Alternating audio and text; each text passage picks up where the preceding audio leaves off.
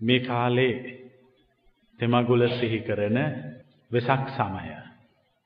මේ වෙසක් සමයේ අපි කවුරු ගැන කතා කරන්න ඕනද කියලා ඕනම කෙනෙකුගෙන් ඇහුවොත් ඒ ඕනෑම කෙනෙක් අපිට කියනවා මේ කාලේ බුදුරජාණන් වහන්සේ ගැන කතා කරන එක හොඳයි කියලා. ඒ නිසා අද ධර්මදේශනාවේ මාතෘකාවත් බුදුහාමුදුරුවෝ. කොතනින් පටන් අරගෙන කොතනින් ඉවර කරන්නද කියලා හිතාගන්නත් අමාරුයි. අපි එක එක්කෙනාට දැනෙන තේරෙන සීමාව තුළ මේ ලෝකේ පහළ වෙච්ච මහා අසාමාන්‍ය පුද්ගලයා එක විදියකින් තව විදියකින් කියන විට සැබෑ මිනිසයා පිළිබඳ අපි කතා කරමු. ලෝකෙ හිටිය මහා උගතෙක් රිස් ඩේවිඩ් කියලා. රිස් ඩේවිඩ් පඬිතුමා ලෝකේ පහළ වෙච්ච මහා ශ්‍රේෂ්ඨ මිනිස්සු 6 දෙනෙක් නම් කළා. මේ මානව ඉතිහාසය තුළ. ඉන් දෙදෙනෙක්ම ඉන්දියාවේ. එක්කෙනෙක් තමයි ගෞතම බුදුරජාණන් වහන්සේ අනිත් කෙනා තමයි ධර්මාශෝක මහරජතුමා. අද අපි කතා කරන්නේ ගෞතම බුදුරජාණන් වහන්සේ ගැන. මේ ලෝකේ විවිධ චරිත කතා කියවුවාම ඒ චරිත කතා අතර වැඩිම විවිධත්වයේ තියෙන චරිත කතාව තමයි බුද්ධ චරිත කතාව. මම එහෙම කියන්න හේතුව විවිධත්වය කියන එකෙන් මම අදහස් කරන්නේ දැන් අපි චිත්‍රපටයක් බලනකොට ටෙලි නාට්‍යයක් බලනකොට ඇයි අපි ඒක දිහා බලන් ඉන්නේ? දැන් මේ හැමෝටම මම ටෙලි නාට්‍යයක් බලන්න කියලා එක්කගෙන යනවා. හැබැයි ඒ ටෙලි නාට්‍ය බලන්න කලින් මම ටෙලි නාට්‍ය වෙන කතාව මේ කෙනෙකුට කියනවා. ඒතකොට බලනවද? ඈ චිත්‍රපටයක් බලන්න යන එක යන කලින් මම මේ ටෙලි නාට්‍ය කියනවා මේ චිත්‍රපටයේ තියෙන්නේ මේකයි මේකයි මේකයි මේකයි කියලා කියනවා. චිත්‍රපටි ඉවර වෙනකන් බලනවද? ඈ බලනවද නැද්ද? ඈ බලන්නේ ඇයි? ඇයි බලන්නේ නැත්තේ? චිත්‍රපටියේ ඊළඟ ජවනිකාව මොකක්ද කියලා දන්න නිසා. ලෝකේ චරිත කතා කියවන්න ඊළඟ ජවනිකාව මොකක්ද කියලා දැනගන්න බැරි චරිත කතාව තමයි බුදුහාමුදුරුවන්ගේ චරිත කතාව. ඊළඟ ජවනිකාව මොකක්ද කියලා හිතා ගන්න බෑ. ඊළඟ මොහොතේ මොකක් කරයිද කියලා කිසි කෙනෙකුට හිතා ගන්න බෑ. එච්චරට අවිනිශ්චිතයි. මොකක්ද මේ අවිනිශ්චිත බව? මේ අවිනිශ්චිත බව ලෝකේ පහළ වෙච්ච හැම බුදුවරයෙක් ළඟම තියෙනවා. ඇත්තටම අවිනිශ්චිත බව නෙමෙයි.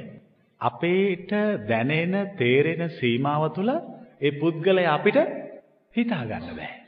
දැන් ඔයත් සමහර මිනිස්සු දිහා බලලා කියනවා අපෝ මට නම් ජීවිතේටවත් ওই මනුස්සය තේරුම් ගන්න බෑ කියලා.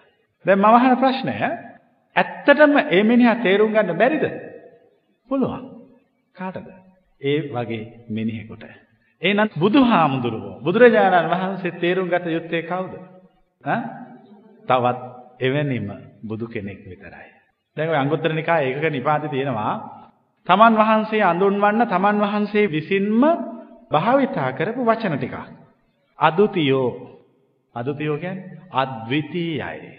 අසහායෝ අසහායයි.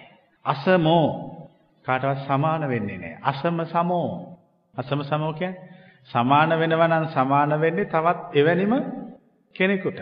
අප්පටිමෝ ප්‍රතිමා නැහැ. අප්පටි පුද්ගලෝ ප්‍රතිමා හදන්න මිනිස්සු නෑ. අප්පටි සමෝ ප්‍රතිමාවකට සම කරන්න බෑ. බලන්න ඔබේ වචන ටික දිහා. අප්පටිමෝ අප්පටි සමෝ අප්පටි පුද්ගලෝ ප්‍රතිමා නෑ ප්‍රතිමා හදන්න මිනිස්සු නෑ ප්‍රතිමාවකට සම කරන්න බෑ. ඒ කියන්නේ ඊළඟ අවස්ථාව ගැන හිතා ගන්න බෑ. ඒක තමයි බුද්ධ චරිතයේ තියෙන විශේෂය. ඉන්දියානු ಭಾರತೀಯ සමාජය අද වගේ නෙමෙයි. බුදුරජාණන් වහන්සේ පහළ වුණේ මීට අවුරුදු 2500කට විතර කලින් තිබිච්ච වාණිජ තරඟකාරී සමාජයක. අද වගේම ඇත්ත වගේම මිනිස්සු වෙළඳාම් කළා. අද තරම් රැකියාවල් තිබුණේ නැහැ මිනිස්සු බොහෝ දෙනෙක් වෙළඳාමෙන් ජීවත් වුණේ. මිනිස්සුගේ ජීවිතවල කටුක බව හොඳට පිරීලා තිබුණා. සමාජය තුල හොඳින් බෙදිච්ච පෙනෙන පන්ති ભેදයක් තිබුණා. සමහර වෙලාවට මිනිස්සු තාමත්ම ඉහළ සැප සම්පත් අනුභව කරමින් රජමාලිගා සිටු මාලිගාවලට වෙලා ජීවත් වෙන අතරේ තවත් සමහර මිනිස්සු ඒ මිනිස්සු වෙනුවෙන්ම මෙහෙකාරකම් කරමින් ජීවත් වුණා. සමාජය තුළ විශාල වෙනසක්. මුලින්ම මේ ඉන්දියාවේ තිබිච්ච මේ සමාජ විපර්යාසය ගවේෂණය කළ පුද්ගලයා තමයි ගෞතම බුදුරජාණන් වහන්සේ. බුදු වෙන්න කලින් තමගේ තාත්තට නියෝගයක් දුන්නා මගේ මාලිගා තුනේ වැඩ කරන හැම කෙනෙකුටම මම කනවා වගේම මසුයි බතුයි විතරයි දෙන්න පුළුවන්. සේවකයන්ට කියලා කාඩි හොදී බතුයි මගේ මාලිගාවල් වල වැඩ කරන අයට දෙන්න බෑ. ඒ කියන්නේ එදා ඉන්දියාවේ මාලිගාවල වල සේවය කරපු සේවක සේවිකාවන්ට දීලා තිබුණේ මොනවද? කාඩි හොදී බතුයි. සිද්ධාර්ථ රජකුමාරයා පියමහ රජුවන්ට නියෝග කළා මගේ මාලිගාවල වල ඉන්න අයට එහෙම දෙන්න බෑ. මොකක්ද මේ පෙන්වන්නේ? සමාජය තුළ තිබිච්ච පන්ති ભેදයට විරුද්ධව විශාල සටනක් ආරම්භ කළා. පන්ති ભેදයට විරුද්ධව සටන ආරම්භ කළේ. මේ සටනේ තියෙන විශේෂය පහත් පන්තියෙන් ආපු කෙනෙක් නෙමෙයි මේ සටනේ මාර්ගෝපදේශකයා පුරෝගාමයා. සමාජයේ ඉහළම තලයෙන් ආපු කෙනෙක්. එතකොට සමාජයේ ඉහළම තලයෙන් ආපු කෙනෙක් පන්ති ભેදයට විරුද්ධව සටනක් ආරම්භ කරනකොට ඒකට එරෙහි වෙන ප්‍රතිරෝධ බලය අඩුද වැඩිද? අඩුයි. කවුරුවත් බයයි. පහත් කුලේ මිනිස්සෙක් ඇවිල්ලා පන්ති ભેදයට කුල ભેදයට විරුද්ධව කතා කළා නම් එදා ඉන්දියානු සමාජයේ සිට ඒ වෙලාවේ මේ පුද්ගලයා මරලා විනාශ කරනවා. අදත් එහෙමයි ඉන්දියාව. සමාජයේ ඉහළම කුලයෙන් ආපු කෙනෙක් පන්ති ભેදයට කුල ભેදයට සමාජය තුළ පවතින දරිද්‍රතාවයට විෂමතාවයට එරෙහිව නැගී සිටිනකොට මිනිසුන්ට කරන්න දෙයක් නැහැ. ඔළුව නමනවා ඇරෙන්න. ඔන්න බලන්න විශාල සමාජ පෙරලියක ආරම්භය. අන්තිමට මේ සමාජ පෙරලිය තවදුරටත් සංකීර්ණ වෙච්ච තැනදි තමයි සිද්ධාර්ථ බොසතාණන් වහන්සේ ගීගේ අත්හැරලා යන්නේ. ගිහිල්ලා තමුන් විමුක්තියටපත් වෙන්න ඕනේ. භෞතික ලෝකයේ තුල නිස්සාර බව විතරක් ඇතිෙන්නේ. සැබෑ විමුක්තිය තමා තුළම තියෙනවාය කියන පුදුමාකාර විශ්වාසයකින් ගමන් කළා. දැන් ඔයත් ඔයත්ගේ ජීවිතේ එක්කෙන විශ්වාස කරනවා. යාළුවෝ විශ්වාස කරගෙන ඉන්නවා. ඥාතීන් විශ්වාස කරනවා. හිතවතුන් විශ්වාස කරනවා. නමුත් ගෞතම බුදුරජාණන් වහන්සේ මුලින්ම තමුන් තමුන් ගැන විශ්වාස කරන්න පටන් ගත්තා. ඒකනේ දේශනාවේ තියෙන්නේ. අත්ත දීපා විහෙරත භික්ඛවේ අත්ත සරණා න අනඤ්‍ය සරණා. මහණෙනි ඔබල ඔබලට ආලෝකයක් වෙන්න. ඔබලාගේ ආලෝකය මිසක් ඔබලාට වෙනත් ආලෝකයක් ඇත්තේ නෑ.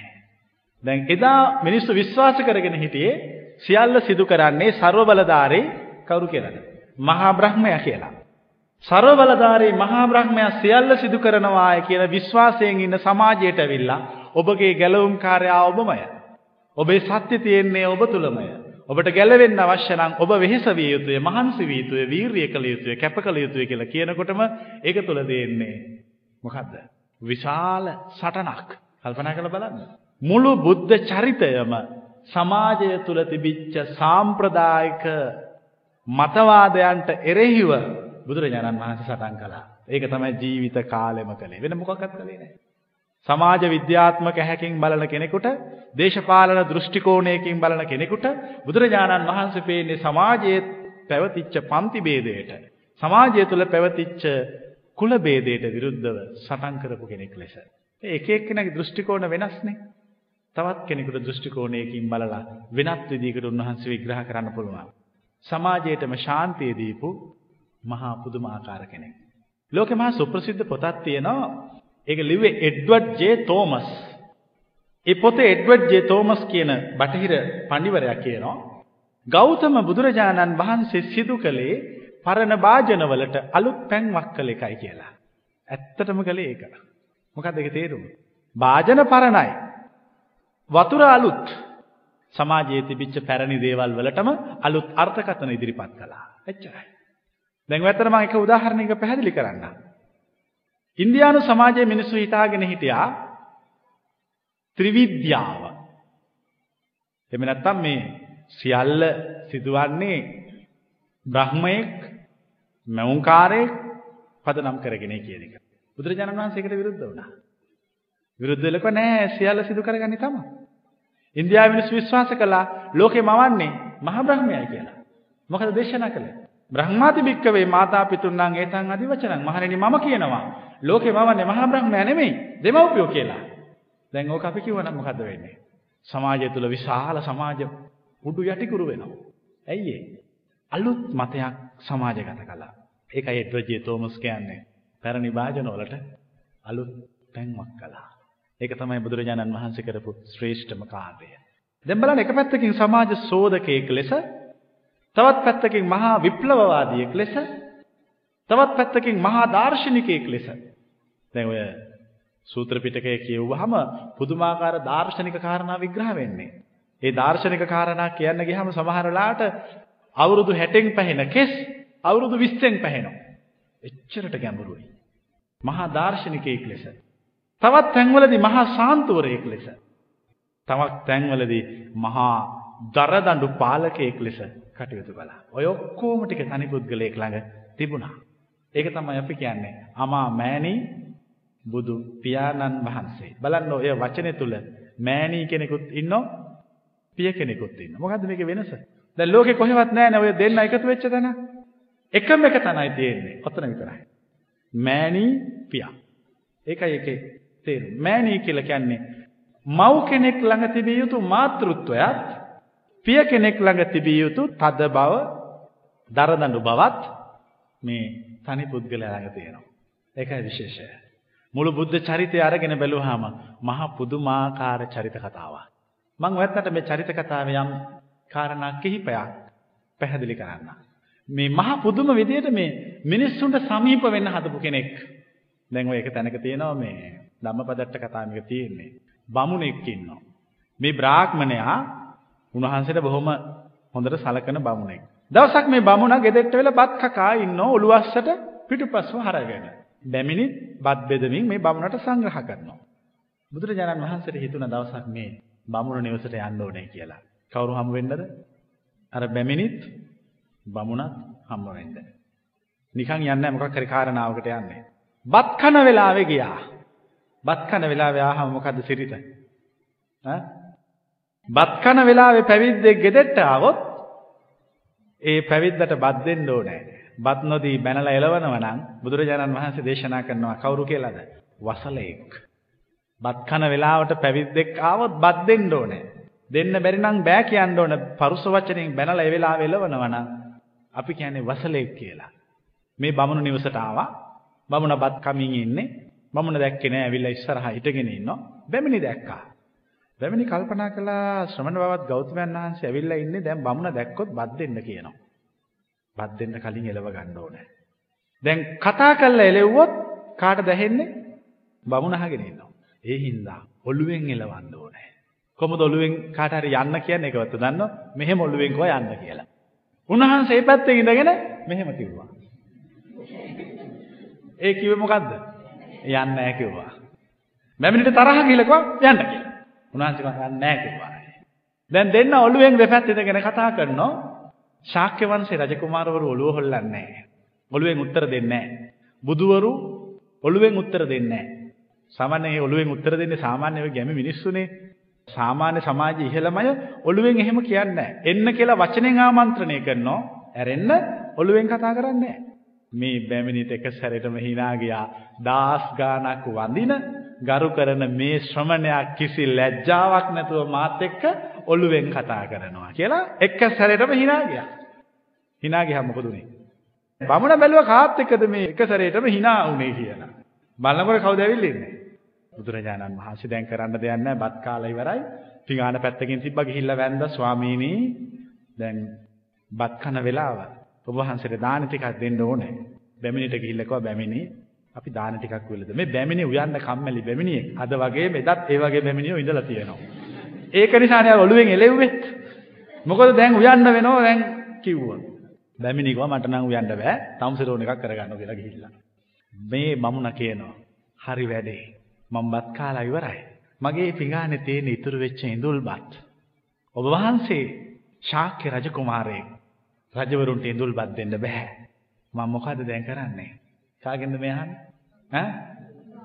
ගෞතම බුදුරජාණන් වහන්සේගෙන්. උන්වහන්සේ කියනවා ඔව් ඉතින් බුදුවරු කියලා කියන්නේ හරියට පරදත් උපජීවි ප්‍රේතයෝ වගේ જાතියක්. එහෙම කියනවා. මුල් කොටසත් කැපයි මැද කොටසත් කැපයි අන්තිම කොටසත් කැපයි ඔබ කැමති නම් ඔය ඉඳුල් බත් ටික මේ පාත්‍රයට දාන්න. බමුණට දාඩිය දාලා ගියා. ඇයි? කාලා ඉතුරු වෙච්ච ඉඳුල් බත් ටික ඉල්ලනවා. මොකටද? ඈ? බමුණ කල්පනා කළා රජමාලිගාවට වෙලා රජසප අනුභව කරන්නේ නැතුව මම කාලා ඉතුරු වෙච්ච ඉඳුල් බත් ටික මගේ ළඟට ඇවිල්ලා ඉල්ලනවා. බමුණ ඉඳුල් බත් ටික පාත්‍රයට දාලා එතනම වාඩි වෙලා තෙරුවන් සරණ ගිහිල්ලා බණ අහලා සෝවහන් වුණා. බමුණ කල්පනා කළා පුදුම නිහතමානී මිනිසෙක්. බලන්න කාලා ඉතුරු වෙච්ච ඉඳුල් බත් ටික ඉල්ලගෙන කන්න තරම් නිහතමානී. දැන් හිතා ගන්න පුළුවන්. ඈ ඒක තමයි මං මේ මේ ජවනිකාව මේ නාට්‍ය මේ චිත්‍රපටියේ ඊළඟ ජවනිකාව හිතා ගන්න බෑ. කාලා ඉතුරු වෙච්ච ඉඳුල්පත් කන්න තරම් නිහතමානී වෙච්ච මිනිස්සෙක්. පුදුම නිහතමානීකම. මං තව සිද්ධියක් ඔයයන්ට කියන්නම්. අනුරුද්ධ මහරහතන් වහන්සේට සිවුරක් හදනවා. අද වගේ නෙමෙයි ඒ කාලේ සිවුරක් හදනකොට හරි අමාරුයි. සරියුත් හාමුදුරුවෝ පුළුන් කපු ගෙනල්ලා පුළුන් ගලවනවා. මුගලන් හාමුදුරුවෝ ඒ ගලවන පුළුන් පුංචි පුංචි කෑලි වලට වෙන් කරනවා. ආනන්ද හාමුදුරුවෝ නූල් අඹරනවා. අනුරුද්ධ හාමුදුරුවෝ ඒ නූල් එකතු කර කර සිවුර වියනවා. මොකද සිවුරක් වියනවා කියන එක ලේසි වැඩක් නෙවෙයි ඒ කාලේ. ඒ කාලේ අද වගේ දියුණු තාක්ෂණ තිබුණේ නැහැ. මිනිස්සු අතින් ඔක්කොම රෙදි මසා ගත්තේ. බුදුරජාණන් වහන්සේ ගිහිල්ලා කියනවා. ඔබලා ඔක්කොම වැඩ. මම විතරක් නිකන් ඉන්න ඕනේ නැහැ.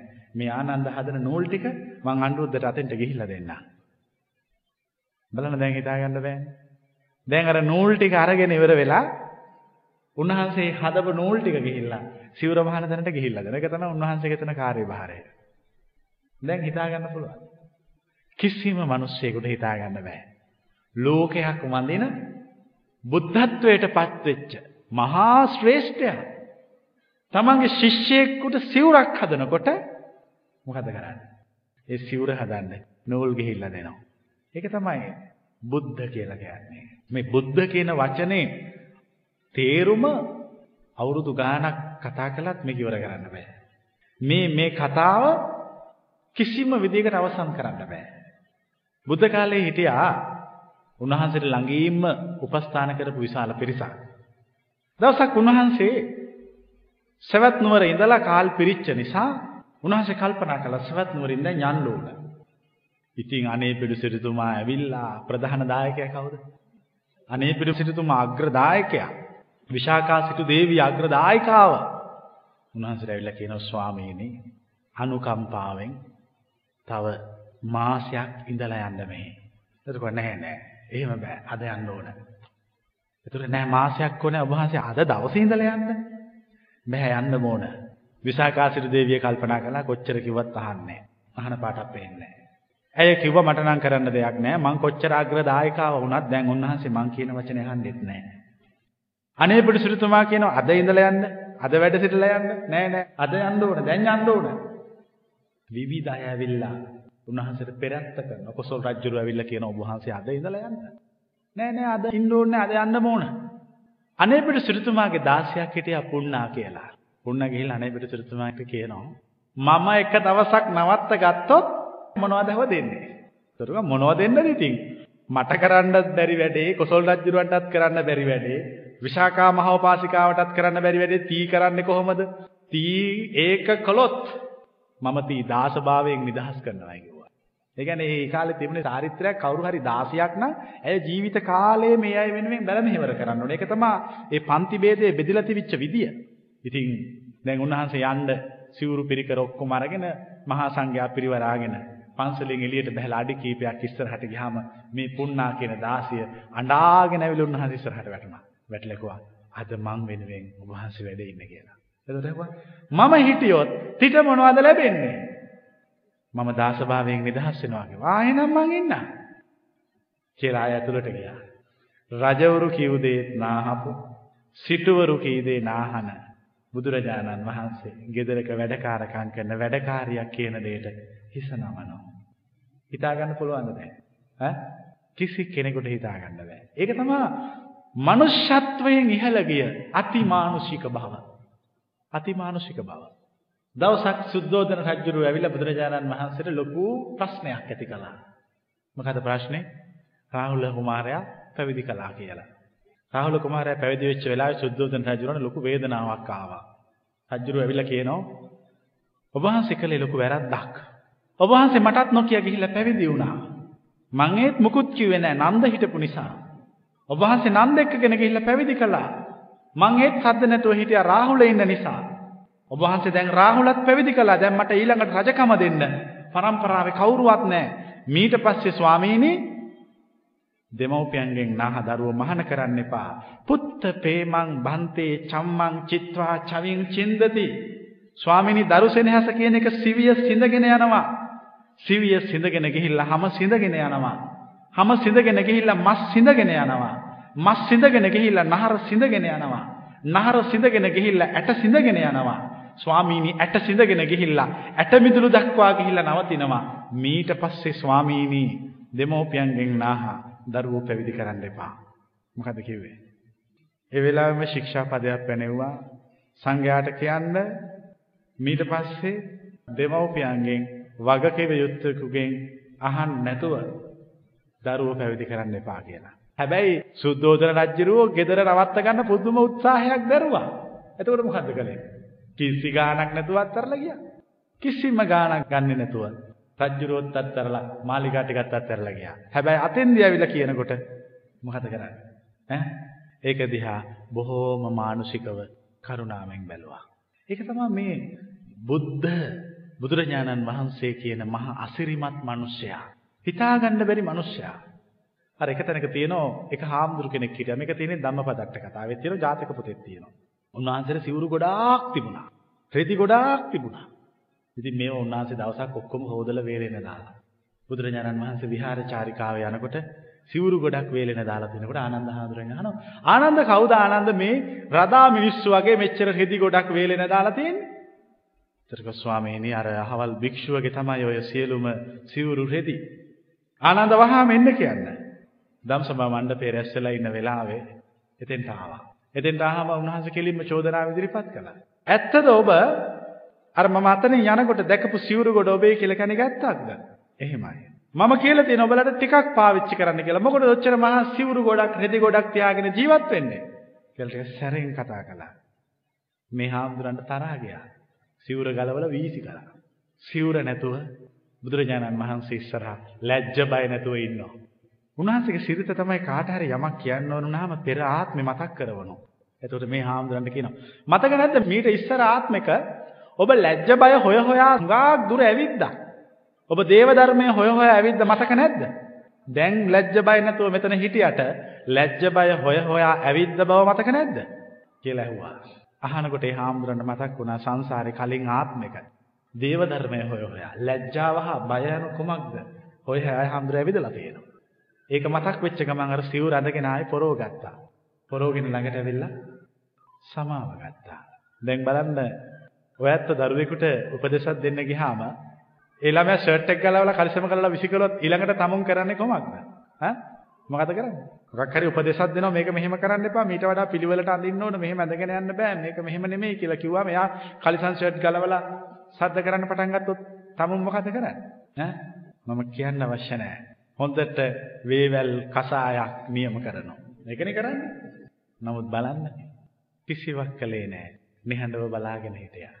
ඒ නිහඬ බව තුළින්ම සත්‍ය අවබෝධ වුණා. ඒක තමයි මේ බුදුරජාණන් වහන්සේ තුළ තියෙන විශේෂත්වය. විශිෂ්ටත්වය. හිතා ගන්න බෑ. දැන් කෙනෙකුට හිතන උන්වහන්සේ මිනිස්සෙක්ද නැද්ද? ඈ මිනිස්සෙක්. මනුස්සකම උන්වහන්සේ ළඟ තිබුණා. ද්‍රෝණ සූත්‍රයේදී ද්‍රෝණ බමුණට කිව්වේ මිනිස් අම්මා කෙනෙකුට දාව මිනිස් තාත්තා කෙනෙකුට දාව මම මේ ලෝකෙට ඉපදුනා. මම මේ ලෝකේ හැදුනා වැඩුණා. මේ ලෝකෙන් ගන්න ඕන සියල්ලම අරගෙන මේ ලෝකෙන් අයින් වුණා. හරියට නෙළුම් මලක් වගේ. නෙළුම් මලක්, ඕලු මලක්, මානෙල් මලක් මඩේ හැදිලා වැඩිලා වර්ධනය වෙලා මඩෙන් එළියට ඇවිල්ලා පිපෙනවා. ආයේ කවදාකවත් මානෙල් මලක්, ඕලු මලක්, නෙළුම් මලක් මඩ ගා ගන්නවද? කවදාකවත් නැහැ. බුදුරජාණන් වහන්සේ ද්‍රෝණ බමුණට කියන බමුණ මාත්‍යේ වගේ. මේ ලෝකේ හැදුනා, මේ ලෝකේ වර්ධනය වුණා, මේ ලෝකෙන් අයින් වුණා. අයින් වෙලා ලෝකයේ සුවඳ කරනවා, ලස්සන කරනවා. හැබැයි අර ලෝකේ තියෙන කුණු ටික මගේ ඇඟේ තවරගන්නේ නැතුව. මිනිස්සෙක්. දැන් එක තැනක තියෙනවා. දවසක් උන්වහන්සේ සවැත්නුවර ජේතවනාරාමේ ධම්සභා මණ්ඩපයට වඩිනවා. ධම්සභා මණ්ඩපයේ සිරිතක් තියෙන බණ කියන වෙලාවට කාටවත් එන්න බෑ. දොරවල් වහලා තියෙන්නේ ඔක්කොම. බුදුරජාණන් වහන්සේ වැඩියත් දොර වහලා. ඒකෙන් හිතාගන්න තිවිච්ච නීති රීති මාලාව. උන්වහන්සේ ඇවිල්ලා දොර වහලා තියෙන නිසා උන්වහන්සේ එළියට වෙලා හිටගෙන ඉන්නවා. මොකක් ඉවර වෙනකන්ද? ධම් දෙසුම ඉවර වෙනකන්. දේශනාව ඉවර වෙනකන් හිටගෙන ඉන්නවා. එතෙන්ට වෙලා එළියට වෙලා ගේට්ටුවෙන් එළිය හිටගෙන ඉන්නවා. දේශනාව ගාක් වෙලා ගිහිල්ලා ඉවර වුණා. දොර ඇරියා. උන්වහන්සේ ඇතුළට ආවා. ඒ දේශනාව කරපු භික්ෂුව ළඟට ගිහිල්ලා කියනවා හරිම හොඳ දේශනාවක්. හැබැයි මම හුඟක් වෙලා එළියට වෙලා හිටගෙන ඉඳලා මගේ පිට රිදෙනව නැහැ. එතකොට මේ හාමුදුරුවෝ කල්පනා කළා අනේ මගේ දේශනාව දිග වැඩි. මගේ දේශනාව නිසා මුන්වහන්සේගේ පිටේ අමාරුවත් වැඩි වෙලා. එතකොට කිව්වා ස්වාමිනී සමාවෙන්න මම ඔබ වහන්සේ එළියේ ඉන්නවා කියලා දැනගෙන හිටියේ නෑ. එතකොට දැනගත්ත හිත නරක වෙච්ච බව. එතකොට ආයෙ කියනවා ඔබේ දේශනාව හරිම හොඳයි. හරිම සන්තෝෂයි කියලා ප්‍රශංසා කළා. දැන් බලන්න මගේ පිටත් රිදුණා. මොන වචනද? සාමාන්‍ය මිනිස්සෙක් ළඟ තිබිච්ච වචන. මනුෂ්‍යත්වයෙන් ඉහළට ගියාට අර සාමාන්‍ය මිනිස්සෙක් පාවිච්චි කරපු භාවිතා කරපු වචන කෝෂයේ විදිහටම භාවිතා කළා. ඒකයි තියෙන විශේෂය. අවුරුදු 80ක් ගියාම ආනන්ද හාමුදුරන්ට කියනවා ආනන්ද පරිපක්කෝ වයෝ මයිහං පරිත්තං මම ජීවිතං ආනන්ද දැම්මට අවුරුදු 80යි. මං හොඳටම වයසට ගිහිල්ලා. කරත්තයක් දිරුවාම මේ දිරච්ච කරත්තේ ලණු වලින් බැඳලා තල්ලු කරගෙන යනවා වගේ තමයි මගේ ජීවිතයක් දැන්. දැන් මේ වචන තුලින් පැහැදිලි වන්නේ මොකක්ද? වයසට ගිය මහල්ලෙකුගේ ස්වභාවය. ඊට පස්සේ පරිණිරවාණයට යනකොට මොකද කියන්නේ? කුක්කුතා නදියේදී කලන්තේ හැදිලා වතුර ඕනුණාම මොකද කියන්නේ? පිපාතෝස්මි ආනන්ද පිබිස්සාමේ තුන් පාරක් කියනවා. ආනන්ද හරි පිපාසයි. වතුර ටිකක් ගේන්න. ආනන්ද පිපාසයි වතුර ගේන්න. වතුර ගේන්න. මේ ස්වරය තුල තියෙන කොමක්ද? ඈ? ලෙඩ වෙච්ච, මහලු වෙච්ච, වතුර පිපාසෙ දරා ගන්න බැරුව තමුන් ළඟින් තමුන්ට උපස්ථාන කරන ශ්‍රාවකයාට කියනවා පිපාසාව ඉන්න බෑ. වතුර කොහෙන් හරි අරන් එන්න. මනුෂ්‍යත්වය. ඒක තමයි මං කිව්වේ මේ ඊළඟ ජවනිකාව මොකද්ද කියලා හිතා ගන්න බෑ කියලා. ඒක තමයි මේ. එක්තරා දවසක් බුදුරජාණන් වහන්සේ වැඩ සිටියා සත්මහල් ප්‍රාසාදයක. කට්ටු හතක විහාරයක්. උන්වහන්සේ ඉහළ මාලේ වැඩ සිටින්නේ පහළ මාලේට හාමුදුරු වගේක් දුර ගමනක් ගිහිල්ලා ඇවිල්ලා සද්ද කරනවා. දැන් ඔයත් උනත් බනහන්න කලින් අපි එන්න කලින් මොකද තියෙන්නේ මහා කාලගොට්ටියන්නේ තියෙන්නේ. උන්වහන්සේ සද්ද කරනවට කැමති නැහැ. ඒක උන්වහන්සේගේ තියෙන පෞරුෂයේ විශේෂ ලක්ෂණයක්. වෙනත් ආගමික ස්ථානයකට උන්වහන්සේ එනකොට මේ ආගමික නායකයෝ කියන ඔන්න ශ්‍රවණ බවත් ගෞතමයන් වහන්සේ එනවා. බල ඔක්කොම නිස්සද්ද වෙයල්ලා. උන්වහන්සේ නිස්සද්දයට කැමති කෙනෙක්. උන්වහන්සේ ඉන්න තැන කතා කරන්න එපා කවුරුවත් නිහඬව ඉන්න. උන්වහන්සේ නිහඬතාවයට කැමතියි. ඉතින් මේ හාමුදුරුවෝ සරියුත් මුගලන් දෙදෙනාගේ ශිෂ්‍යයෝ ඇවිල්ලා මහා කතාව මේ ගමන ගැන. උන්වහන්සේ ආනන්ද හාමුදුරුවන්ට කතා කළා. ආනන්ද කවුද මේ කෙවුලෝ වගේ කෑ ගහන්නේ? කෙවුලෝ කියන්නේ කවුද? දීවරයෝ මාළු වලන මිනිස්සු. ආනන්ද කවුද මේ මාළු වලන මිනිස්සු වගේ කෑ ගහන්නේ? එතකොට ස්වාමීනි සාරිපුත්‍ර මොග්ගල්ලාන මහරහතන් වහන්සේලාගේ ශිෂ්‍යයෝ. ආනන්ද සාරිපුත්‍රටයි මොග්ගල්ලානටයි ශිෂ්‍යයන්ටයි කියන්නේ පන්සලෙන් යන්න කියලා. දැන් මොකද්ද වෙන්නේ? ආනන්ද හාමුදුරු බය වුණා. බය වෙලා සරියුත් හාමුදුරන්ට ගිහිල්ලා කියනවා. ඔබ වහන්සේට යන්නලු. මුගලන් හාමුදුරන්ට කියනවා. ඔබ වහන්සේටත් යන්නලු. අරගොල්ලන්ටත් යන්නලු. අරගෙන අපු බඩු ඔක්කොම පටවගෙන සිවුරු දාගෙන පාත්‍රات අරගෙන පන්සලෙන් බහලා ගියා. ගිහලා අම්බලමකට වෙලා ඉන්නවා. දැන් මිනිස්සෙක් බුදුරජාණන් වහන්සේ හමු වෙන්න එනවා. ඒ මිනිසයා දැක්ක සරියුත් මහරහතන් වහන්සේ අම්බලමේ. මේ මිනිස්සු බැලුවා මෙච්චර හොඳ පන්සලක් තියාගෙන මොකද මුන්නාන්සේ අම්බලමට වෙලා ඉන්නේ? ගිහිලා අහනවා. ඇයි ඔබ වහන්සේලා දෙනම මේ අම්බලමේ ඉන්නේ අච්චර හොඳ පන්සලක් තියාගෙන? අනේ බලන්නකෝ අපි දෙනමයි. මේ ඔක්කොමයි උන්වහන්සේ ලෙව්වා. මම ගිහිල්ලා කියන්න. මේ මිනිස්සයා ගිහිල්ලා බුදුරජාණන් වහන්සේට කිව්වා නැවත උන්වහන්සේලා දෙනම ගෙන්න ගන්න කියලා. එතකොට කියනවා ආනන්ද සාරිපුත්‍රටයි මොග්ගල්ලානටයි අර ශිෂ්‍ය භික්ෂුන් වහන්සේලාටයි ආ එන්න කියන්න. ආයාවා. බලන්න එළවනෝ ගෙන්න ගන්නවා. එළවනෝ ගෙන්න ගන්නවා. පුදුම වැඩක්. ඒක තමයි ස්වභාවය. ඇවිල්ලා ඔක්කොම බයෙන් කිසිම කතාවක් නැහැ එදා ඉඳලා. මොකද එලෙව්වනේ. කෑ ගහලා එලෙව්වා. ඔක්කොම වෙලා වැන්දා. වැන්දලා පැත්තකට වෙලා ඉන්නවා. එතකොට අහනවා සරියුත් මහරහතන් වහන්සේගෙන්. සාරිපුත්‍රන මම එලෙව්වහම මොකද්ද හිතුනේ? එලවල ඉවර වෙලා අහනවා එලෙව්වහම මොකද්ද හිතුනේ කියලා. එතකොට කියනවා සරියුත් මහරහතන් වහන්සේ මොනෝ කරන්නද? අපි යන්න ගියා. අපි හිතුව ඔබ වහන්සේ දැන් වෙනස් වෙලා ඉස්සර වගේ නෙමෙයි ඉස්සර නම් ඔහම නෑ. දැන් ඔබ වහන්සේ වෙනස්. මං එහෙම හිතාගෙන බහැලා යන්න ගියා. එතකොට අහනවා මොග්ගල්ලානට මොකද්ද හිතුනේ මම එලෙව්වහම? මටත් හිතුණා දැන් ඔබ වහන්සේ වෙනද වගේ නෙමෙයි හුඟක් වෙනස්. හැබැයි මට වෙනස් වෙන්න බෑ. මම පරණ විදියමයි. මම පරණ විදියට ඉන්නවා කියලා හිතාගෙන මම යන්න ගියා. එතකොට උන්වහන්සේ කිව්වා සාදු මොග්ගල්ලාන සාදු කියලා සාදුකාර පැවැත්තුවා. ඇයි? කවුද වෙනස් වෙලා තියෙන්නේ?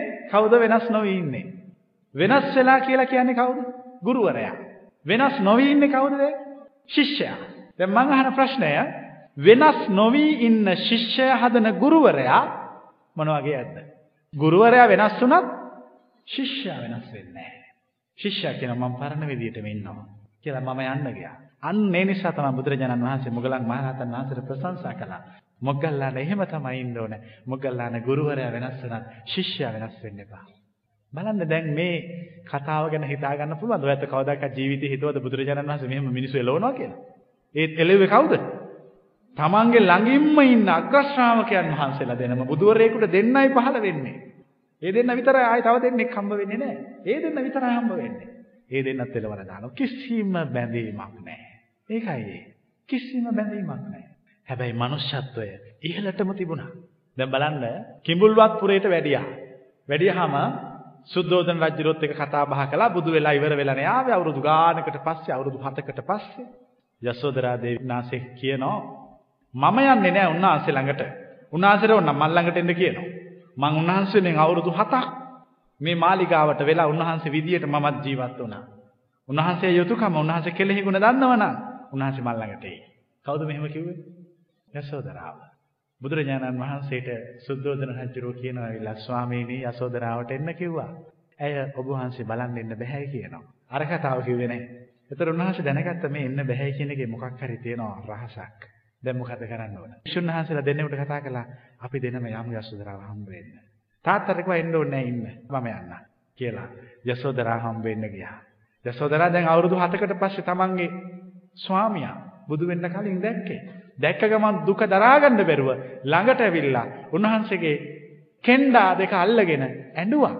අඬනකොට උන්වහන්සේගේ කෙන්ඩා දෙකේ මොනවද ගෑවුනේ? කඳුළු. බුදු වුණයින් පස්සේ ශරීරය අල්ලපු එකම කාන්තාව තමයි යසෝදරා. වෙන කිසි කෙනෙකුට ශරීරය අල්ලන්න දුන්නේ නැහැ. අතරමඟදී එක වයසක අම්මා කෙනෙක් නම් ඉඹලා තියෙනවා. ඒ ඇරෙන්න ඉඹලා නැහැ. එකක් තියෙන්නේ උන්වහන්සේ දවසක් පාරේ යනකොට වයසක අම්මා කෙනෙකුයි තාත්තා කෙනෙකුයි උන්වහන්සේ දැකලා උන්වහන්සේ ළඟට ඇවිල්ලා ඉඹගෙන ඉඹගෙන ගිහිල්ලා තියෙනවා. ආනන්ද හාමුදුරුවෝ මේ මේ කාන්තාව තථාගතයන් වහන්සේගේ ශරීරය ස්පර්ශ කරනවා කියලා ඇදලා ඇදලා මේ පැත්තට දානවා. උන්වහන්සේ ආනන්ද ඉඹෙන්න දෙන්න. මේ දෙන්න ඉඹලා ඉඹලා ඉවර වුණා. ඉවරලා කියනවා. උඟ කාලෙකට පස්සේ ඔබ වහන්සේ දැක්කේ. මෙච්චර කල් කොහෙද ගිහිල්ලා හිටියේ?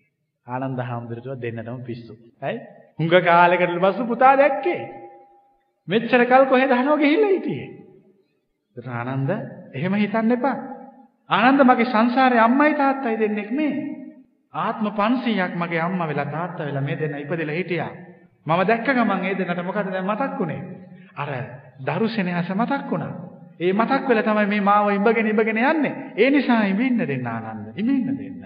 බලන්න කොච්චර කාරුණිකද කියලා. කාන්තාවක් ශරීරය අල්ලලා ඉඹිනකොට ඒ තමුන්ගේ සංසාරේ මව් කෙනෙක් මේ මව් සෙනෙහස දරා ගන්න බැරුව ඉඹිනවා කියලා හිතලා කියනවා ඉඹින්න දෙන්න කියලා. බලන්න දැන් ඔයත්තට හිතා ගන්න පුළුවන්. ඈ බුදුරජාණන් වහන්සේගේ ශරීරයේ කවුරු හරි ඉම්බා කියන එක කවුරුත් පිළිගන්නවත් කැමතිද? උන්වහන්සේගේ ශරීරයේ ඉඹිනවා. ඇයි ඒ? ඒක තමයි සෙනෙහස, ආදරය. යසෝදරා දේවිය කෙන්ඩා දෙක අල්ලගෙන උන්වහන්සේගේ ශරීරයේ ඉම්බා. ඒක තමයි ආදරය, සෙනෙහස. උන්වහන්සේ පුංචි කාලේ ඉඳලා හදාගත්තේ කවුද? මහා ප්‍රජාපති ගෞතමී. අපදාන පාළියේ මහා ප්‍රජාපති ගෞතමී තේරාපදානයේ තියෙනවා මහා ප්‍රජාපති ගෞතමී කියලා කියන්නේ ප්‍රජාපති. ප්‍රජාවට අධිපති. භික්ෂුණී ශාසනයේ පහළ වෙච්ච මහරහත් උත්තමාවිය. අවුරුදු 80ක් වයස වෙලා බුදුරජාණන් වහන්සේ ළඟට ඇවිල්ලා කියනවා ස්වාමීනි මං දැන් පිරිනුවන් පාන්න ලෑස්තිය. මට වයස 80යි මං පුංචි කාලේ ඔබ වහන්සේ හදාගත්තේ. මම ඔබ වහන්සේට කිරි පෙව්වා. මගේ පුතාට කිරි දෙන්නේ නැතුව මං ඔබ වහන්සේට කිරි දුන්නා. මම ඔබ වහන්සේට බත් කැව්වා. ඔබ වහන්සේට බත් කවනකොට මාත් ඒ බත් වලින්ම කටක් කෑවා මතකයි. ස්වාමීනි ඕනම අම්මා කෙනෙක් දරුවෙකුට බත් කවනකොට ඒ බත් වලින් කටක් අම්මත් කනවා. ස්වාමීනි ඔබ වහන්සේගේ ඉඳුල් මට කැවුණා. මගේ ඉඳුල් ඔබ වහන්සේට කැවුණා. හැබැයි මම පුංචි කාලේ ඔබ වහන්සේට බත් කවනකොට කවදාකවත් හිතාගෙන හිටියේ නෑ ඔබ වහන්සේ බුදු වෙයි කියලා. මගේ ඉඳුල් ඔබ වහන්සේට කැවුණා. මගේ ඉඳුල් ඔබ වහන්සේට කැවිච්ච එකට මට සමා වෙන්න. ඔබ වහන්සේගේ ඉඳුල් මට කැවුණට කමක් නැහැ. අන්තිමට එක මිල්ලීමක් කරනවා. ඒකට අවසර දෙන්න. පුංචි කාලේ ඉඳලා හදාගත්තු ඔය බුදු සිරුර මට එකපාරක් පෙන්වන්න. කවුද මේ ඉල්ලන්නේ? ඈ? තමන්ගේ අම්මා. තමන් හදාගත්ත පුංචි අම්මා, පුංචි අම්මා මහරහත් උත්තමාවියක්. බලන්න මහරහත් උත්තමාවියක් වුණත් තියෙන මාතෘත්වය. පුංචි කාලේ ඉඳලා හදාගත්ත ශරීරය තමන් පුංචි කාලේ දැක්කා. දැන් අන්තිමට කියන මේ බුදු වෙලා අවුරුදු 50කටත් වඩා වයස කියනවා. අන්තිම සැරේට මට ওই ශරීරය පෙන්වන්න. මොකද බුදුරජාණන් වහන්සේ කළේ? සිවුර අයින් කළා. සිවුර ගලවලා උන්වහන්සේගේ උඩුකය මහා ප්‍රජාපති ගෞතමයට පෙන්වුවා. බලන්න තිබිච්ච ආදරය, සෙනෙහස. ඊට පස්සේ මොකද කළේ? මහා ප්‍රජාපති ගෞතමිය අහසට පැනලා ප්‍රාතිහාර්ය පාලා වැඳලා කිව්වා මම දැන් පරිණිරවාණයට වඩිනවා කියලා. බුද්ධ ජීවිතයේ කාන්තාවක් පිටුපසෙන් ගියපු එකම එක අවස්ථාවේදා වාඩි වෙලා හිටිය ආසනෙන් නැගිට්ටා. නැගිටලා තමන් හදාගත්ත තමන්ගේ පුංචි අම්මා පස්සෙන් ගියා. කිසිම දවසක බුදු කෙනෙක් තවත් කෙනෙක් පස්සෙන් යන්නේ නැහැ. එහෙම ගියොත් ඒ යන පුද්ගලයාගේ ඔළුව කෑලි හතකට පැරිලා බිමට වැටෙනවා. ඒ බුදුවරයන් වහන්සේ තුල තියෙන අසීමිත ශක්තිය නිසා. හැබැයි ඒ ශක්තිය දරා ගන්න පුළුවන් උනේ කාට නිසාද? මහා ප්‍රජාපති ගෞතමිය නිසා. ඒ නිසා බුදුරජාණන් වහන්සේ ඉස්සරහා මහා ප්‍රජාපති ගෞතමිය කියනවා මේ ලෝකේ අම්මා කියන ගෞරව නාමය ඕන කෙනෙකුට ලබන්න පුළුවන්. ඔයත් හැම කෙනෙකුටම දරුවෙක් ඉන්නවා නම් අම්මා කියන නාමය ලැබෙනවා. හැබැයි ස්වාමීනි මම ඔබ වහන්සේ නිසා බුද්ධ මාතාව කියන ගෞරව නාමය ලැබුවා. ඒක ආය අම්මා කෙනෙකුට මේ කල්පය ඉවර වෙන තාක් ලබන්න පුළුවන් කමක් නැහැ. කවුද මේ කියන්නේ? මහා ප්‍රජාපති ගෞතමය. දැන් බුදු සිරුර හැමෝටම එහෙම පෙන්වන්න යන්නේ නැහැ. සත්‍යකට පෙන්නවා. සත්‍යක වාද කරන්න ඇවිල්ලා කිව්වා කවුරු හරි මාත් එක්ක වාද කරන්න ආවොත් එහෙම නලලෙන් දාඩිය වට්ටවනෝ කිහිලි වලින් දාඩිය ධම්මවනෝ කියලා කිය කිය හැමතැනම ඇවිද්දා. බුදුරජාණන් වහන්සේ සත්‍යකත් එක්ක වාදයට ආවා. වාදයට ඇවිල්ලා ප්‍රශ්න අහනකොට සත්‍යකට දාඩිය දැම්මා. එතකොට උන්වහන්සේ සිවුර ගලවලා මේ මට දාඩිය දාලාද බලන්න. මට දාඩිය දාලා නැහැ කියලා සත්‍යකටත් පෙන්නවා. එතකොට සිවුර පහත් කරලා පෙන්නලා තියෙන විතරයි මේ මට දාඩිය දාලා නැහැ ඔබට දාඩිය දාලා දැන් කියලා ඒ නින්දා කරන්න එක කරන්නේ. ඔය නින්දා කිරීම තියෙනව නේද? හරිම හොඳ දෙයක් ඒක. හරියට මිනිස්සු හදන්න පුළුවන්. නින්දා කළාම කාට හරි කාට හරි පහත් විදියට බැන්නාම අර මාගන්ධියට කිව්වේ. මාගන්ධිය උන්වහන්සේ දිහා බලලා හරි ලස්සන කෙනෙක් හොඳ කඩවසම් හොඳ පෞරුෂයක් විවාහ යෝජනාවක් ගෙනාවා. මං කැමති ඔබ වහන්සේ විවාහ කරගන්න කියලා පස්සෙම ගිහිල්ලා කිව්වා. ඊවන් බලලා අතින් අල්ලන්න දෙයක් පයින් පා ගන්නවත් කැමති නෑ කිව්වා මේ කුණු මල මුත්‍ර වලින් පිරිච්ච කුණු ශරීරය. මාගන්ධිය කියලා කියන්නේ ඒ කාලේ හිටපු මහා රූප සුන්දරියක්. දැන් මොකද වෙන්නේ? කිව්වේ මාගන්ධියට සත්‍ය අවබෝධ කරගන්න. හැබැයි මාගන්ධිය වෛර කළා. මෙච්චර ලස්සන රූපයකට නිඳා කළා කියලා. ඒ අය නිඳා කළේ. ඈ පාරට ගේන. ඒකනේ ඔය ඉස්සර ඉන්දියාවේ කතාවක් තිබුණා. ලස්සන කාන්තාව දැක්කහම උන්වහන්සේ නිඳා කරනවා කියලා. එහෙම එකක් තිබුණා. ඒකනේ රූපනන්දා කියන්නේ අපෝ ළඟට නම් යන්න බෑ. රූපයට නිඳා කරනවා. කේමාව කියන්නේ මොකද්ද? ඕන එකකට ලෑස්ති. කිට්ටුවටවත් යන්න බෑ. බිම්බිසාර රජු උපක්‍රමයක් යෙදුවා. වේළුවනාරාමේ ලස්සන ගීතයට නැගුවා. උන්වහන්සේ වැඩ සිටින සුවඳ කුටියේ ඇතුලේ ලස්සන සින්දු ලිව්වා. ඒක ඇතුලේ ලස්සන කිව්වා මෙහෙමයි මෙහෙමයි. දවසක් කේමා උන්වහන්සේ නෑ කියලා හිතාගෙන වේළුවනාරාමේ ඇවිද්දා. හරිම ලස්සනයි. ඒ ගීත වලින් කියපු අය විදියටම වේළුවනාරාමේ උණගස් ලස්සන පෑන් පොකුණු ඔක්කොම දැක්කා. හැබැයි ගීතයක් අහලා තිබුණා උන්වහන්සේ ඉන්න සුවඳ කුටිය ගැන. තමන්ගේ සේවිකාවකට කිව්වා ඉන්නවද නැද්ද කියලා බලන්න කියලා. නෑ මේ වෙලාවේ නෑ කිව්වා. එහෙනම් අපි යමු එතනත් බලන්න. දැන් කේමාව අර ගීතය අහලා තියෙනනේ සුවඳ කුටියේ ලස්සන ගැන. ඒ සුවඳ කුටියේ ලස්සන තියනවද කියලා බලන්න ඇතුළට ගිහිල්ලා එපුණ ගමන් උන්වහන්සේ ළඟ කාන්තාවක් ඉන්නවා. කේම බැලුවා කාන්තාවක් ළඟින් තියාගෙන ඉන්නව නම් රූපේ නුගුණ කියන කෙනෙක් වෙන්න බෑ. ටිකක් ලං වෙලා බලන්න ඕන කියලා. හොඳට ලං වෙලා කාන්තාව දිහා බලාගෙන හිටියා. මොකක්ද උනේ? ඈ ටික ටික ටික ටික රූප වෙනස් වෙලා එතන මැදගෙන වැටිලා මැරිලා කුණු වුණා. එච්චරයි. හරි නේද? බලන්න වචන ලක්ෂකින් කියන්න ඕන දෙයක් එක සැරේට පෙන්නවා. දැන් නන්ද කුමාරයා බලන්න. නන්ද කුමාරයා ජනපද කල්යාණිය ගැන සිහිනමව මවා හිටියා. ඇයි ඉතින් ඔටුනු බැලඳීමේ උත්සවයයි විවාහ මංගල්‍යයයි ගේ පදිංචි වීමයි තුනම තිබිච්ච දවසේ දානයක් රජමාලිගාවේ. උන්වහන්සේ දානේ වළඳලා ඉවරයි වටපිට බැලුවා නන්ද ඉන්න නන්ද එන්න පාත්‍රය අරගෙන මාත් එක්ක පස්සෙන් එන්න කිව්වා. නන්ද කුමාරකෝ කමන්නේ නැහැ විවාහයට වෙලා තියෙන නිසා පාත්‍රය ගිහින් ඉඳලා එන්න පුළුවන් නේ කියලා ධනපත කල්යන්ටකෝ මං ඉක්මනට ඥාතියනේ. තමන්ගේ සහෝදරයා පාත්‍රය ගේන්න කිව්වම බෑ කියන්න බෑ පාත්‍රය අරගෙන යන්න ඕනේ පස්සෙන්. පස්සෙන් ගියා. ගියාම ඇහුවා නන්ද වහන වෙන්න කැමතිද? බෑ කියන්න බැරි නිසා හා කිව්වා. මේ විවාහ මංගල්‍යයයි ගේ පදිංචි වීමයි රජකම ලැබීමයි තුනම දැන් ලෑස්ති කරලා තියෙන උත්සවේ. එහෙනම් මහාන වෙමු කියලා මහාන කළා. හැබැයි මහාන වෙච්ච දවසේ ඉඳන් කවුරු ගැනද කල්පනා කරන්නේ? හරි අපරාධයක් කරගත්තේ. ජනපද කල්යාණිත් නෑ රජකමත් නෑ ගේත් නෑ තුනම නෑ. කල්පනා කර කර ඉන්න උන්වහන්සේ දැනගත්තා නන්ද අසංවරයි. ওই ත්‍රිපිටකයේ කීප පළක කියන උන්වහන්සේ නිකන් ඉන්න ගමන් කියනවලු නන්දයත් මේ වගේ සංවර වෙනවා නම් කොච්චර හොඳද? දැන් එහෙම කියනකොට මොකද්ද හිතෙන්නේ ඕන කෙනෙකුට? දැන් අපි මෙතන යනකොට කාට හරි ගියාගෙන ඉන්නවා මේ විමල පාල උන්නේත් මේ වගේ සංවර වෙනවා නම් කොච්චර හොඳද? කියාගෙන යනවා. එච්චර කියන්නේ ඊට වඩා මොකුත් කියන්නේ නැහැ. එතකොට මේ මනුස්සයා හිටින්නේ මොකද්ද? ඇත්ත නේනම් මගේ පාදර කමට මුන්වහන්සේගෙන් වචනත් අහගන්න වෙනවා. අද ඉඳලා සංවර වෙන්න ඕන. එහෙම හිතෙන්නේ නැද්ද? එහෙම හිතෙනවා. කොහොම දවස් කීපයක් කිව්වා. බලන්න හරියම උපායශීලී, හරියම බුද්ධිමත්, හරියම මිනිස්සුන්ට ආදරය කරන කෙනෙක්. දසක් කතා කළා. නන්ද එන්න. අතින් අල්ලගන්නේ. ඔය අතින් අල්ලගත්තම යමක් කරන්න පුළුවන් මිනිහෙකුට. මොකද්ද? සමුන්ට අවශ්‍ය සිතුවිලි ටික එයාගේ මොළයට යවන්න පුළුවන්. ඒක අතින් අල්ලගන්නේ. චුල්ලපන්තක හාමුදුරුවෝ අල්ලගත්තේ අතින්. අතින් ගිහිල්ලා අල්ලන්නේ. අල්ලපු ගමන් ඉවරයි. ආයි ගැලවෙන්න බෑ. රහත් වෙලා මිසක් ගැලවෙන්නේ නැහැ කවුරුවත්. නන්ද හාමුදුරන්ගේ අතින් යනවා. අල්ලලා නන්ද කැමති නැද්ද මේ ජනපද කල්යාණිට වඩා ලස්සන කෙනෙක් ලබන්න කියලා ඇහුවා. අහලා මනසට දැනෙන්න සැලැස්සුවා නන්දට කිව්වා නන්ද අපි දිව්‍ය ලෝකෙට යමු. ඉස්සෙල්ලම පෙන්නවා දාගිය හේනක වැඳිරියක්. මොකද දාගිය හේනක වැඳිරියක් කියන්නේ? ඈ දැවිලා අලු වෙච්ච හේනක නාකි වෙච්ච වැඳිරියෙක් ඉන්නවා. අත්තක් උඩ. ඊට පස්සේ පෙන්නවා ලස්සන දිව්‍යාංගනාව. පෙන්ලා අතෑරියාත. නන්ද ජනපද කල්යාණිය හොඳද? අර දිව්‍යාංගනාව. බලන්න මේ පිරිමින්ගේ තියෙන නොසන්ඩාලකම. එක සැරේටම ගියේ ස්වාමීනි ජනපද කල්යාණිය දාගිය හේනේ වැඳිරිය වගේ. ඉවරයි. ඔන්න ආදරේ. එක මොහොතෙන් ඉවරයි ඔක්කොම. ඊට වඩා කොච්චර ලස්සනද දිව්‍යාංගනාව. එයින් එක්කෙනෙක් ලැබුණොත් ජනපද කල්යාණිත් ඕනේ නැහැ, රජකමත් ඕනේ නැහැ, මගේත් ඕනේ නැහැ. අර එක්කෙනෙක් ලැබුණා නම් ඇති කිව්වා. හරි, දෙන්න. මම ලබා දෙන්න ඔබට පොරොන්දු වෙනවා. බුදු කෙනෙක් පොරොන්දු වෙනවා තව කෙනෙකුට. හැබැයි මම කියන වැඩේ කරන්න ඕනේ. අරමුණක් දුන්නා. මෙන්න මේක හොඳට පුරුදු කරන්න ඕන. නන්දහාමුදුරුව පුරුදු කළ සියලු හිත සියලු කෙලෙසුන්ගෙන් නිදහස් වුණා. නිදහස් වුණාම තේරුණා ඇත්තටම දිව්‍යාංගනාව නෑ කියලා. සංකල්පයක් විතරයි. ගිහිල්ලා කියනවා. ඒ පොරොන්දුවෙන් ඔබ නිදහස්. කවුද කියන්නේ ගිහිල්ලා? දැන් ඔයත් නම් මොකද්ද කියන්නේ? දැන් මොන්න මගේ කාර්ය කළා හිත කෙලෙසුන්ගෙන් නිදහස් වුණා. දැන් පොරොන්දුව ඉෂ්ට කරන්න. නන්දහාමුදුරුව ගිහිල්ලා කියනවා පොරොන්දුවෙන් ඔබ වහන්සේ නිදහස්.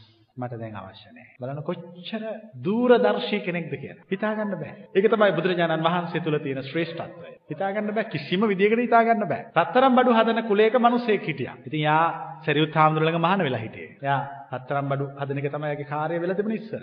රහත් වෙන්නේ නැහැ. ඉතින් එයා බුදුරජාණන් වහන්සේ ළඟට ආවම බුදුරජාණන් වහන්සේ කලේ මෙයාට රහත් කරන්න බෑ කියලා සරියුත් මහ රහතන් වහන්සේ කියනකොට උන්වහන්සේ කලේ ලස්සන පොකුණක් මැව්වා. නෙළුම් මලක් මැව්වා. මලලා මේ භික්ෂුව ටික වන්නර නෙළුම් මල දිහා බලන්න ලස්සනට බලන් ඉන්න එක ටිකක් වෙලා. බලන් ඉතින් මල පිපිලා පර වෙලා වැටුණා. එතනම රහත් වුණා. මෙයාගේ පුරුද්දක් තිබිලා තියෙනවා. ඔය සමහර කාන්තාවෝ ඉන්නවනේ තමන්ගේ රත්තරන් බඩු ටික කවුරුවත් නැති වෙච්ච ගමන් මොකද කරන්නේ? අල්මාරිය අර අතට අරගෙන මෙහෙම කරලා බලනවා ටිකක් බලලා ආයි ආයි වහලා තියෙනවා.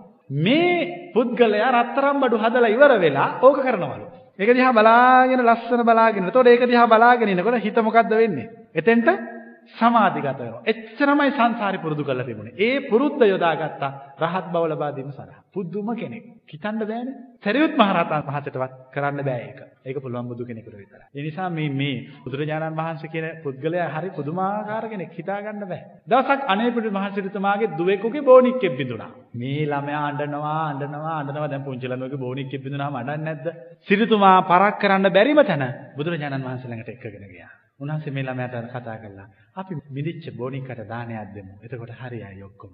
මොකද කෙරෙන්නේ? බිඳිච්ච බෝනික්කට අර ළමයාට කිව්වා ගිහිල්ලා දානයක් දෙන්න. ඒ ළමයා දානයක් දුන්නා ප්‍රශ්නේ හරිද?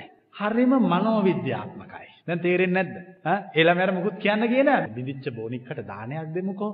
ඒ ළමයාගේ මනසට ගැළපෙන විදියට උත්තරේ දුන්නා. හරිනේ? බලන්න මහා පුදුමාකාර චරිතයක්. හරිම සංවේදී චරිත කතාවක්. හරිම සංවේදී. බොහොම සානුකම්පික විදියට මිනිස්සුන්ට බොහොම ආදරෙන් මිනිස්සුන්ට බොහොම සෙනෙහසින් ආමන්ත්‍රණය කරපු මිනිසෙක්. ඒ වගේම දාර්ශනික කතාබහේදී කිසිවෙකුට ලං වෙන්න බෑ. ඒ අහන ප්‍රශ්න වලට කාටවත් උත්තර දෙන්න බෑ. මජ්ක්‍ධිම නිකායේ සූත්‍රයක් තියෙනවා විමර්ශක සූත්‍රය කියලා. විමර්ශක සූත්‍රයේදී බුදුරජාණන් වහන්සේ දේශනා කරනවා තමුගේ ශ්‍රාවකයන් වහන්සේලාට අන් අයගේ සිත් කියවන්න පුළුවන්කම තියෙන ශ්‍රාවකයන් වහන්සේලා මා බුදු වෙලාද නැද්ද කියන එක පිළිබඳව පරීක්ෂා කොට බලන්න කියලා. ලෝකේ කිසිම ආගමික ශාස්ත්‍රූවරයෙක් ඉඩ දීලා නැහැ තමුන් පරීක්ෂා කරන්න.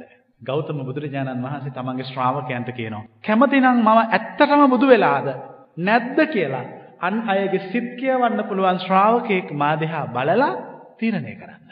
ඒකෙන් කියන්නේ මොකක්ද ඇත්තටම? ඒ වචන ටිකෙන්ම කියන්නේ මොකක්ද ඇත්තටම? ඇත්තටම බුදු වෙලා. නැත්තම් එහෙම කියනවද? එහෙම පරීක්ෂා කරන්න කියලා කියනවා තමගේ ශ්‍රාවකයන් පරීක්ෂා කරන. කැමති කෙනෙකුට තථාගතයන් වහන්සේ පරීක්ෂා කරන්න පුළුවන්. ඒක තමයි මේ ධර්මයේ තියෙන විවෘත බව. බලන්න පරිනිර්වාණයට පත් වෙන මොහොතේ ආනන්ද හාමුදුරන්ට කිව්වා ආනන්ද තථාගතයන් වහන්සේ ළඟ ගුරු මුෂ්ටියක් නැහැ.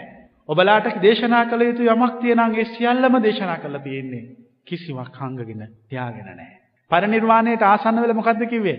මහණෙනි තව සුළු මොහොතයි තථාගතයන් වහන්සේ වැඩ සිටින්නේ. මේ ඔබලට මම කියනවා. ඔබලට යම් සැකයක් විමතියක් තියෙනම් අහන්න. අහලා දුරු කරගන්න. පස්සේ කියන්න එපා. ඒ වෙලාවේ අපිට අහන්න බැරි වුණා කියලා කියන්න එපා. අහන්න ලැජ්ජ නම් තමන් ළඟින් ඉන්න යාළුවෙකුට කියලා අස්සවන්න. බලන්න කියන විදිය. තමුන්ට කෙලින් අහන්න බය නම් ලැජ්ජ නම් තමන් ළඟින් ඉන්න කෙනෙකුට කියන්න. මෙන්න මේකටවත් මට අන්තිම සැරේට උත්තර දෙන්න කියලා. තුන් වතාවක් කියනවා. මේ ලෙඩ වෙලා ලේ අතිසාරයත් වැළඳිලා ඒ ඔක්කොමත් වෙලා ඉන්න අතරේ මේකත් කියනවා. තියෙනම් ප්‍රශ්නයක් විසඳ ගන්න තව සුළු මොහොතයි තියෙන්නේ. ඊට පස්සේ පස්සේ දුක් වෙන්න එපා. පස්සේ කනගාටු වෙන්න තියාගන්නත් එපා.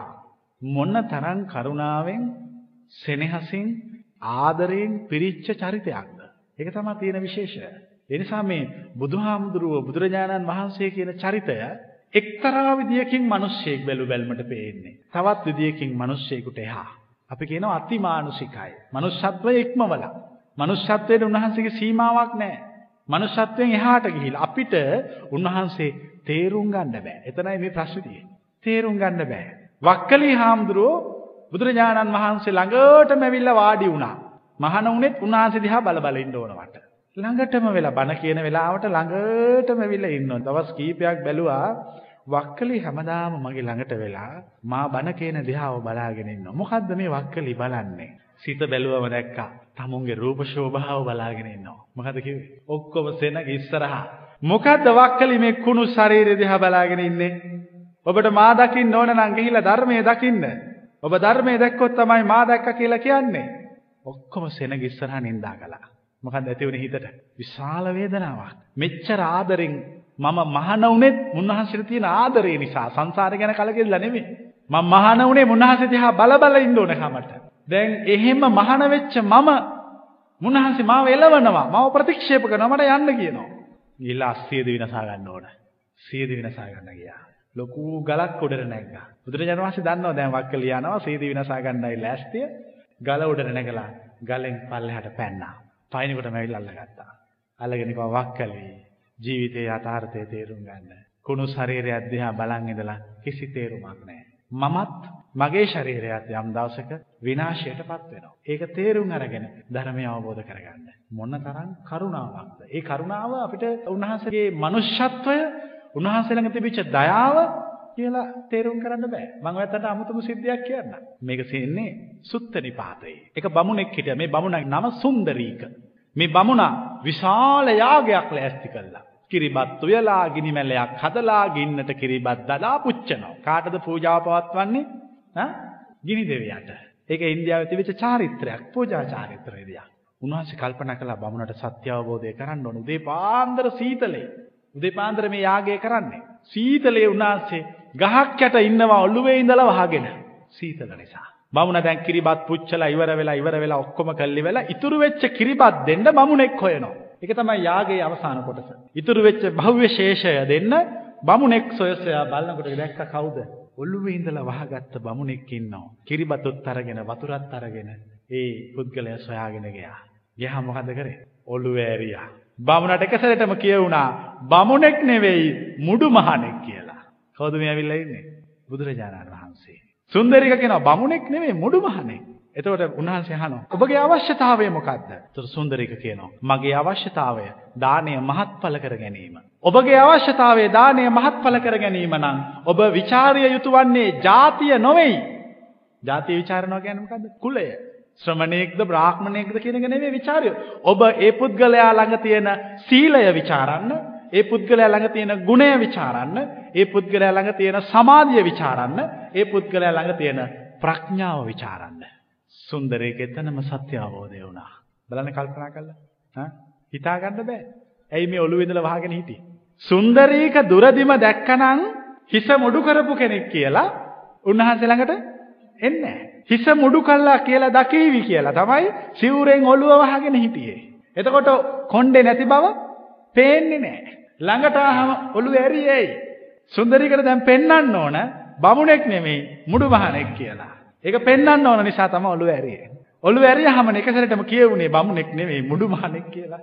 ඒ කියවෙනකොට තමයි එතනින් අල්ලගෙන ඒ ප්‍රශ්නය සඳහා හරියටම ගැලපෙන පිළිතුර ලබා දුන්නේ. ඒක බුදුරජාණන් වහන්සේ තුළ දෙවිච්ච අසිරිමත් බව. දැන් ඔයත් කියවන්න මේ සූත්‍ර පිටකයම ගත්තාම බුදුරජාණන් වහන්සේ කියන්නේ මහා පුදුම චරිතයක්. කසීබාරද්ව්‍යාජ සූත්‍රය. කසීබාරද්ව්‍යාජ කියලා බමුණෙක් හිටියා. බමුණ හොඳට කොමුරු ගොවිතැන් දන්න බමුණෙක්. මම මේ කතාව සියල්ල කියන්නේ වෙලාව යන නිසා. ඉතින් කසීබාරද්ව්‍යාජ ඔක්කොම මේ කුඹුරු කොටලා ඔක්කොම ටික ඉවර වෙලා කසීබාරද්ව්‍යාජ වැඩ කොටස අවසන් වෙලා ඉන්නකොට බුදුරජාණන් වහන්සේ එතනින් යනවා. පිණුසිඟා වඩිනවා. උන්වහන්සේට කියනවා කසීබාරද්ව්‍යාජ ශ්‍රමණ බවත් ගෞතමයන් වහන්සේම මිනිස්සුන්ගෙන් ඉල්ලගෙන කන්න එපා. ඔක හරි ලැජ්ජයි. අපි වගේ මහන්සි වෙන්න. අපි වගේ වැඩ කරන්න. කුඹුරු කොටන්න. ඔබ වහන්සේ මිනිස්සු ළඟට ගිහිල්ලා කායෙන් හරි යමක් ඉල්ලගෙන ආහාරයට ගන්නවා. මේක මහ ලැජ්ජ නැති වැඩක්. උන්වහන්සේ කියනවා මමත් කුඹුරු කොටනවා.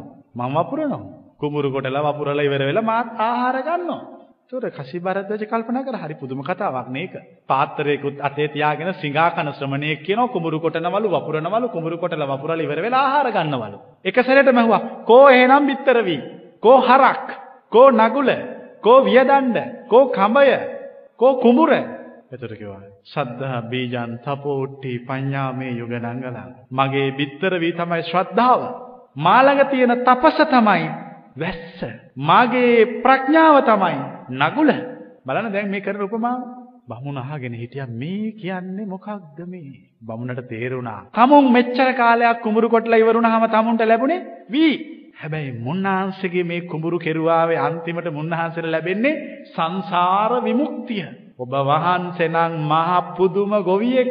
ශ්‍රවණ බවත් ගෞතමයන් වහන්සේ මහ පුදුම ගොවියෙක් කියලා මහා සන්තෝෂයක් බමුණට ඇති වුණා. ඇති වෙලා කිරිබත් පිරෙන්න පාත්‍රයක් බෙදලා. දැන් ඔයත් උනත් එහෙමනේ. ඈ සන්තෝෂ වැඩි වුණාම කෑමත් වැඩිනේ. විශාල කිරිබත් පාත්‍රයක් බෙදලා ඔබ වහන්සේගේ දේශනාව හරි මාගේ මම ඔබ වහන්සේගේ ශ්‍රාවකයෙක් වෙන්නත් කැමතියි. මොකද ඔබ වහන්සේගේ මම නම් කුඹුරු කෙටුවාම මට හම්බුනේ වී. ඔබ වහන්සේගේ කුඹුරු කෙටිල්ල කළොත් ඉතින් එහෙම සංසාරෙනුත් අයින් වෙන්න පුළුවන්. කොච්චර දෙයක්ද? මෙන්න කිරිබත් කියලා කිව්ව ගම කියනවා. ගාථාවේ ගීතම් මේ අභෝජනෙය්‍යං. ඔය ගාත කියලා දෙන බත් අපි නම් කන්නේ නැහැ ඇයි ඒ බලන්න ප්‍රතික්ෂේප කරන විදිය ගාත කියලා දෙන බත් කන්නේ නැහැ බුදුවරු ගාථාභි ගීතේ ප්‍රතික්ෂේප කරනවා. ඇයි එතකොට එහෙම ප්‍රතික්ෂේප කරන්නේ? ඔය බමුණම ආයෙ ගිහිල්ලා කියන්න පුළුවන් ඔය ඇවිල්ලා අපිට ගාථා කිව්වේ අපිට බණ කිව්වේ කිරිබත් ඉල්ල ගන්න. ඒ නිසා බුදුවරු ප්‍රතිපත්තියක් වශයෙන් ගාථා කියලා බණ කියලා කෑමක් දුන්නොත් ඒ කෑම එතන ඉඳන් කන්නේ නැහැ, ගන්නෙත් නැහැ. ඒ ගන්න නැත්තේ? ඒක තමයි ආත්ම ගරුත්වය. බලන්න කල්පනා කරලා කොච්චර ආත්ම ගරුත්වයෙන් හිටපු කෙනෙක්ද කියලා. ආ පැහැදිලිව ඉවරලා කෑම දුන්නත් ඔය කිරිබත් අපිට එපා. දැන් බමුණ අහනවා දැන් මම මේකට මොකද්ද කරන්නේ? එක්ක සත්තු නැති වතුරට දාන්න නැත්නම් තනකොළ නැති බිමකට දාන්න. බමුණ ගිහිලා කිරිබත් දානෝ සත්තු නැති වතුරට. දාපු ගමන් මොකද වෙන්නේ? චිච්චිටහායති චිටි චිටහායති සම්දුපායති සම්පදූපායති. කිරිබත් චිච්චිට චිටි චිටි ගාලා පුපුරනවා. දුන් දානවා. අතිශයින් දුන් දානවා. කොහෙට දැම්මහමද? කිරිබත් වතුරට දැම්මහම. බමුණගේ ඇඟේ ලෝම කෙලින් වුණා. ඇවිල්ලා කියනවා ස්වාමීනි කිරිබත් වතුරට දැම්ම විතරයි චිච්චිටායති චිටිචිටායති සම්දුපායති සම්පදූපායති. චිච්චිට චිටි චිටි ගාලා කිරිබත් පුපුරන්න පටන් ගත්තා. දුන් දාන්න පටන් ගත්තා. අතිශයින් දුන් දාන්න පටන් ගත්තා. ආශ්චර්යයි අద్භූත ජනකයි. අද පටන් ඔබ වහන්සේගේ ශ්‍රාවකෙක්. බලන්න කල්පනා කළා හරි පුදුම චරිත කතාවක්. හොඳින් බැරි නම් නරකින්. හොඳින් කියලා ඇහුවේ නෑ කිරිබත් වතුරට ධම්මවල දුන් ධම්මවල ඒත් බමුණට කොහොම හරි මොකද්ද කළේ? සත්‍ය අවබෝධ කළා. ඒක තමයි බුද්ධ ස්වභාවය. කොහොම හරි සත්‍ය කරා මිනිස්සු යොමු කරනවා. එහෙනම් දැන් මම ඔයත්ගෙන් ප්‍රශ්නයක් අහනවා. මොකටද බුදුරජාණන් වහන්සේට අසීමිත කරුණාවක්?